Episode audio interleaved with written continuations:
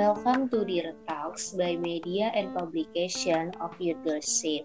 Dear Talks is a podcast of engaging conversation with interesting guests. With me, Lisa, as your host, and today we have a special guest. Please welcome Nina Yunita. Halo Lisa, nice to meet you, Liz. Nice to meet you too Nina. Jadi episode kali ini kita akan membahas kehidupan mahasiswa selama kuliah offline versus kuliah online. Dari Nina boleh perkenalan dulu Nin. Halo teman-teman Diras, perkenalkan nama aku Nina Yunita, biasa disapa Nina. Gimana kabarnya Nina? Alhamdulillah baik Lisa, kalau Lisa gimana nih? Alhamdulillah baik juga Nin. Kalau boleh tahu, kesibukan Nina sekarang apa ya? Untuk saat ini, kesibukannya selain jalanin kegiatan sehari-hari di rumah, kuliah juga ikut beberapa kegiatan komunitas. Salah satunya di Youth Leadership ini, Liz. Jadi, Nina ini adalah YDS Team Divisi EIP atau Divisi Event dan Inovatif Program. Tadi Nina bilang kesibukannya salah satu yaitu kuliah ya. Iya, Lis. Dan apa sih, Nina? Aku kuliah di program studi agribisnis Fakultas Pertanian Universitas Trunojoyo Madura, tepatnya di Kabupaten Bangkalan, Jawa Timur. Wah, jauh juga ya. Kalau sekarang posisinya lagi di mana, Nin? Sekarang posisinya lagi di Penajam, Lis. Sama dong, aku juga nih. Nina angkatan berapa ya, kalau boleh tahu? Aku angkatan 2018, sekarang semester 6. Oh, berarti dulu sempat ngerasain ospek ya. Gimana sih keseruannya saat ospek? Boleh dong cerita dikit. Iya, Lis. Aku sempat ngerasain ospek offline. Jadi, uh, pas semester 1 aku jadi peserta dan juga sempat jadi panitia ospek waktu tahun 2019. Terus, kalau ditanya pengalaman tentang ospek offline, gimana? Jadi aku bakal cerita secara singkat ya Liz, rentetan ospek yang aku jalanin. Jadi dulu waktu mahasiswa baru, aku ngikutin tiga rentetan ospek.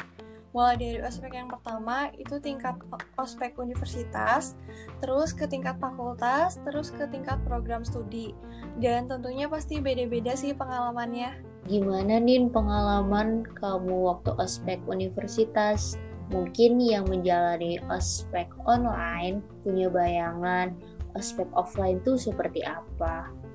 Di ospek universitas itu aku ketemu teman-teman dari berbagai program studi yang digabungin jadi satu kelompok dan per kelompoknya itu ada sekitar 40 orang. Terus didampingin sama satu kakak tingkat yang bertugas sebagai LO.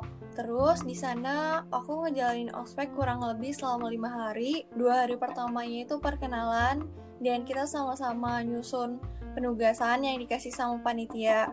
Terus hari ketiganya benar-benar ngikutin acara rentetan ospek universitas.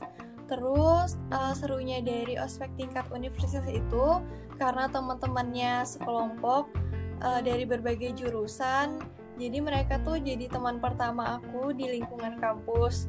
Terus selain itu juga mereka ramai di grup ke sana kemari nyari bareng buat penugasan dan pastinya penugasan pas ospek itu unik-unik banget kan ya. Terus selain itu juga ospek di tingkat universitas tuh kayak lebih seru-seruan sih. Uh, walaupun kadang juga ada tegangnya pas KPK masuk. Dan kalau di aku tuh komisi disiplinnya buat mahasiswa baru tuh disebut KPK. Mungkin kalau ospek online beda kali ya vibes-nya, soalnya ditegasinnya secara virtual. Selain itu juga ngejalinin ospek sendiri-sendiri di rumah masing-masing, uh, walaupun tetap ada kelompoknya. Dan untuk angkatan 2020 yang mungkin belum sempat ngerasain ramainya ospek offline, nggak apa-apa mungkin di tahun ini kalian uh, bisa jadi panitia ospek biarpun kalian tentu bisa tetap tahu pengalaman ospek secara online secara offline maksudnya Terus setelah ngejalanin ospek tingkat universitas, biasanya di akhir acara bakal ada penyerahan mahasiswa baru dari panitia universitas ke panitia fakultas. Gitu teman-teman gambaran dari kuliah offline Nina waktu semester 1 jadi mahasiswa baru. Seru banget ya Nin, walaupun ribet banget ngurusin berbagai hal waktu jadi mahasiswa baru. Tentunya juga ketemu orang-orang baru dari jurusan yang berbeda-beda. Terus kalau aspek fakultas gimana Nin? Kalau di ospek fakultasnya menurut aku cukup menegangkan dan capek, tapi tetap seru. Karena di antara ketiga ospek yang aku jalanin, ospek fakultas yang paling singkat. Tapi walaupun cuma tiga hari, tapi tetap banyak drama dan penugasannya. Uh, dimulai aja dari penjemputan dan penyerahan dari universitas ke fakultas tuh ya. Dari keluar ruangan tuh kanan kiri ditungguin dan diliatin kakak tingkat. Kakak tingkatnya dengan muka yang tegang, terus disuruh lari tapi nggak boleh berisik Terus hari pertama tuh capek banget karena dari ospek universitas dilanjut ke ospek fakultas sampai sore. Habis itu malamnya lanjut kumpul bareng teman-teman kelompok baru yang sekelompok fakultas, terus ngerjain penugasan dan penugasannya itu banyak dibandingkan pas di universitas. Selain itu juga uh, pas paginya ospeknya tuh dimulainya cukup pagi terus yang telat barisannya itu dibedain sendiri dan aku tuh termasuk yang masuk barisan telat. Soalnya sebenarnya udah sampai tempat tapi karena kosnya dulu tuh berangkatnya jalan kaki terus pas disuruh baris udah dihitung 1, 2, 3 aku tuh buru-buru lari tapi nggak sempat masuk barisan. Jadinya masuk barisan yang kepisah. Terus biasalah ya eh, telat dapat pemanasan pagi-pagi. Terus setelah pemanasan pagi-pagi balik lagi ke kelompok awal terus dengerin materi uh, dan pas bagian acara masuk ke ruangan tuh buat menghibur teman-teman. Tapi pas bagian komisi, komisi disiplinnya yang masuk ruangan pasti auto hening uh, selain itu juga serunya di sana makan siangnya bareng-bareng terus baris berjejer rame-rame sama teman-teman. Dan masih banyak lagi hal-hal pas ospek yang kita kalau jalanin tuh rasanya pasti capek banget tapi kalau diingat-ingat bareng teman-teman tuh selalu ketawa. Gitu Lis bener banget nih tegangnya dapet terus kebersamaannya juga dapet. Dari pagi bahkan bisa sampai malam cuma buat ngurusin persiapan ospek yang berhari-hari. Ospek tuh capek ya, tapi seru banget kalau diingat-ingat. Ibaratnya warna-warni kehidupan mahasiswa baru. Nah, iya Lis. Oh iya, terus aku lanjut ke cerita ospek terakhir aku ya Lis. Oke. Okay. Yang tingkat program studi. Setelah drama-drama dari prospekan tingkat universitas dan tingkat fakultas, setelah itu diserahin ke kepanitiaan tingkat program studi dulu pas penjemputan juga langsung gabung bareng teman-teman sekelompok baru yang tingkat program studi itu ada sekitar 10 sampai 11 orang per kelompoknya dan di setiap ospek tingkat program studi ini ada beberapa rentetan ospek yang kayak tiap Sabtu Minggu, terus ada juga yang di luar lapang. Waktu itu aku di Batu, di Jawa Timur, ngecamp selama kurang lebih empat hari, tiga malam, dan rentetan itu yang paling seru sih menurut aku. Soalnya di alam terus dingin dinginan terus juga pengalaman baru. Dan selain itu uh, menurut aku di tingkat program studi ini lebih intens karena jumlah antara panitianya hampir setengah dari jumlah mahasiswa barunya. Dulu tuh angkatan aku ada sekitar 160 orang eh, dan juga ospek ini bareng teman-teman seprodi jadi itu lebih sering koordinasi dan lebih sering ketemu sih waktu di kelas. Dan waktu buat ngenal mereka tuh lebih lama dibandingkan kenal sama teman-teman yang di tingkat fakultas dan tingkat universitas selain itu juga rentetan ospek di program studi tuh lumayan panjang, kurang lebih hampir satu semester list. Dan kalau ospek tiap universitas mungkin beda-beda ya teman-teman, apalagi ospek pas offline dan online. Tapi tujuan dari ospek itu kan sebagai orientasi kehidupan mahasiswa di kampus dan pasti setiap rentetannya tuh ada hikmah yang bisa kita ambil dan ada juga kenangan yang bisa kita ingat-ingat kembali. Ospek program studi ini interaksinya lebih dekat gitu ya, karena peserta ospeknya juga satu jurusan dan nginepnya juga di luar area kampus. Nggak kalah seru juga, malah happy banget masa-masa ospek itu. Ngomong-ngomong kalau boleh tahu, Nina pernah ikut organisasi apa nih selama kuliah? Selama kuliah, aku pernah ikut organisasi di tingkat himpunan mahasiswa dan karena aku di program studi agribisnis, jadi himpunanku tuh namanya Himpunan Mahasiswa Agribisnis Pertanian atau disingkat Himagri. Di Himagri, aku ikut dua periode tahun 2019 sama tahun 2020. Selain ikut Hima, aku juga ikut komunitas. Komunitasnya namanya Generasi Baru Indonesia dan juga kegiatan sosial di bidang pendidikan di Surabaya dan beberapa kegiatan kepanitiaan lainnya, Lis. Selama bergabung dengan himpunan atau organisasi, apa aja nih benefit yang bisa didapat? Uh, benefit yang aku dapat selama ikut himpunan atau organisasi, uh, yang pasti aku kenal banyak teman-teman baru dan juga relasi baru mulai dari teman sangkatan, kakak tingkat, dan beberapa orang menginspirasi lainnya. Terus selain itu juga belajar tentang gimana sih cara manajemen tim, manajemen waktu, uh, nyusun suatu acara, dan di sana juga belajar manajemen konflik. Misalnya ada kendala di suatu kegiatan tuh, kita sama-sama nyari solusinya bareng-bareng. Selain itu juga uh, bisa ketemu orang baru, bertukar pikiran dan pengalaman. Dan setiap orang mempelajari pengalaman di organisasi itu beda-beda. Tapi ikut organisasi itu menurut aku banyak banget manfaatnya Lis. Bener banget. Ikut organisasi itu nggak ada ruginya ya malah banyak banget manfaat yang bisa kita dapat. Dari pengalaman relasi dan banyak belajar satu hal baru. Oh iya kalau masuk himpunan tuh susah nggak sih, Nin? Kalau masuk himpunan itu, menurut aku tergantung dari kebijakan himpunan masing-masing ya. Uh, kalau dulu pas aku masuk himpunan, kebetulan aku jadi pengurus harian, dan dulu itu ada open rekrutmennya. Rekrutmennya tuh ada yang dicalonkan dan mencalonkan. Setelah tahap dicalonkan dan mencalonkan itu selanjutnya ditanya tahap kesediaan Terus kalau teman-teman bersedia itu bakal ikut rekrutmen dan itu bakal ngikutin rentetan interview bareng kakak himpunannya. Terus nanti ada seleksi dan juga pengumumannya. Terus untuk jadi pengurus himpunan biasanya ada seleksi administrasi, tes dan interview. Tapi balik lagi, setiap himpunan pasti punya kebijakan masing-masing dalam rekrutmen anggotanya. Tapi tenang aja buat teman-teman yang pengen ikut organisasi, selama teman-teman pengen berkontribusi dan siap belajar, aku rasa pasti ada kesempatan sih buat teman-teman semua. Nah, benar nih, jangan takut untuk mencoba untuk ikut organisasi dulu ya. Uh, diterima atau enggaknya itu nggak ada masalah, yang penting coba aja dulu.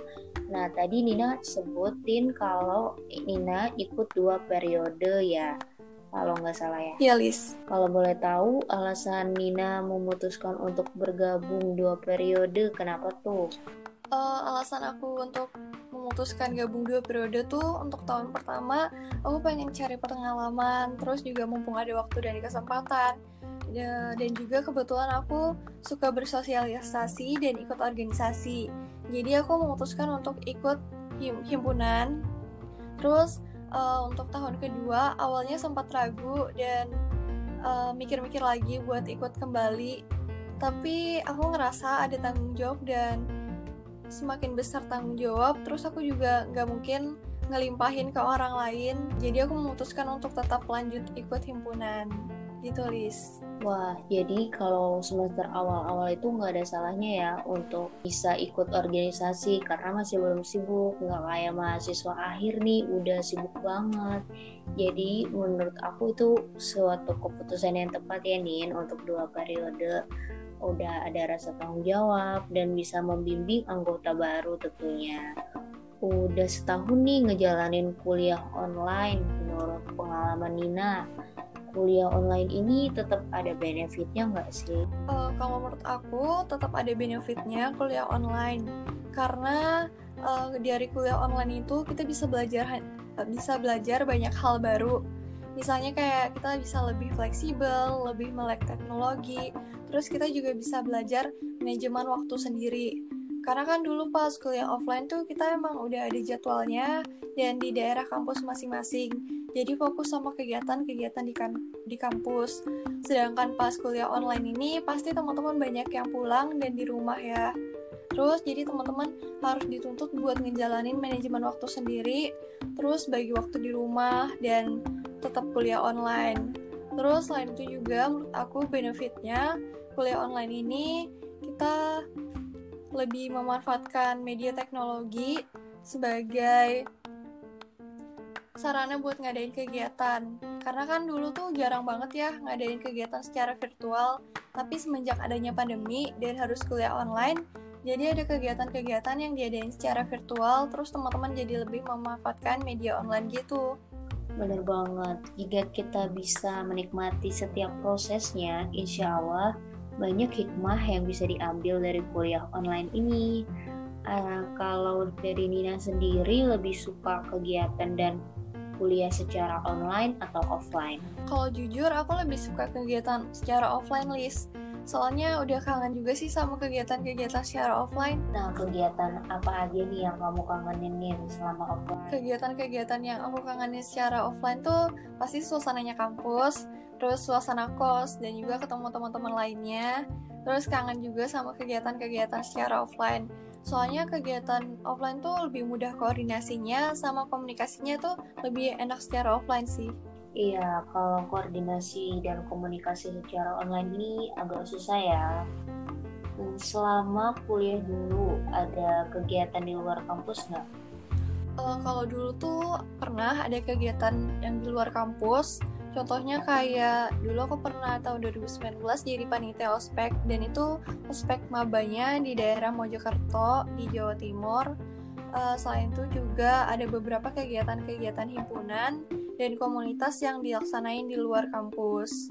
Dan selain itu, karena aku juga anak rantau, jadi aku suka buat ekspor tempat-tempat di luar kampus list. Alasan Nina memilih untuk kuliah di luar Kalimantan nih, kenapa? Uh, alasan aku untuk memilih di luar Kalimantan tuh, jadi dulu aku ikut seleksi masuk bersama perguruan tinggi negeri atau biasa kita sebut SBMPTN. Dan dulu tuh pilihan pertama dan kedua aku pilihnya di luar Kalimantan. Alasannya karena pengen ngerantau terus pengen cari pengalaman baru. Soalnya aku mikirnya kalau di dalam daerah aja kita tuh sulit buat tahu luar daerah gitu. Dan juga biar tahu luar daerah itu gimana sih gitu sih Lis Iya, kalau mau cari pengalaman baru, terutama suasana baru gitu ya, memang bagusnya tuh di luar daerah karena kita dihadapkan dengan berbagai bahasa dan juga tempat baru apalagi yang suka traveling nih rasanya pertama kali ngerantau dan ketemu dengan orang yang baru tuh gimana sih nih? Oh, rasanya pas pertama kali masuk kampus terus ketemu orang baru itu awalnya malu, canggung, terus ragu-ragu buat ngajakin kenalan teman-teman. Tapi teman-teman di sana tuh baik-baik dan mereka juga welcome. Jadi aku takutnya tuh berkurang dan buat kenal mereka tuh uh, langsung nyambung gitu ngobrolnya. Eh, jangan takut untuk ketemu orang yang baru ya teman-teman karena mereka itu welcoming dan friendly ya. Nggak terasa kita udah ngobrol banyak ya nih. Iya, Lis. Ada kali yang kamu mau sampaikan nggak buat teman-teman yang sedang menjalani kuliah online? Uh, kata-kata yang pengen aku sampaikan untuk teman-teman yang lagi ngelaksanain kuliah online uh, terutama angkatan 2020 tetap semangat. Semoga keadaan pandemi ini cepat membaik. Dan juga semoga semester depan kita bisa sama-sama kuliah offline terus ketemu di kampus. Dan juga semoga kita sama-sama bisa ambil hikmahnya dari setiap kegiatan yang kita lakuin sekarang. Semoga juga nanti teman-teman bisa tetap aktif berorganisasi. Dan kalau teman-teman angkatan 2020 sekarang ngerasain suasana online belum sempat ngerasain suasana kuliah offline itu nggak apa-apa karena belum terlambat. Mungkin nanti teman-teman bakal ngerasain gimana serunya bersosialisasi dan kuliah secara offline. Terus ketemu teman-teman di semester depan mungkin tulis Oke, terima kasih Nina untuk hari ini cerita-ceritanya. Sama-sama Lisa, makasih banyak juga. Maaf ya kalau ada kekurangan dan kesalahan. Oke Nina, jadi buat kalian yang kuliah online jangan patah semangat. Kalian harus berjuang terus karena banyak manfaat yang bisa kita dapatkan dari kuliah online ini. Yang pertama kita lebih melek teknologi dan kita lebih dekat sama keluarga dan teman-teman semua yang udah dengerin ini semoga keadaan cepat membaik dan juga semoga kita bisa ambil hikmahnya dari setiap metode kuliah yang kita ambil mau itu online maupun offline. Sampai jumpa di episode Diretak selanjutnya ya. Terima kasih teman-teman. Terima kasih Lisa. Terima kasih teman-teman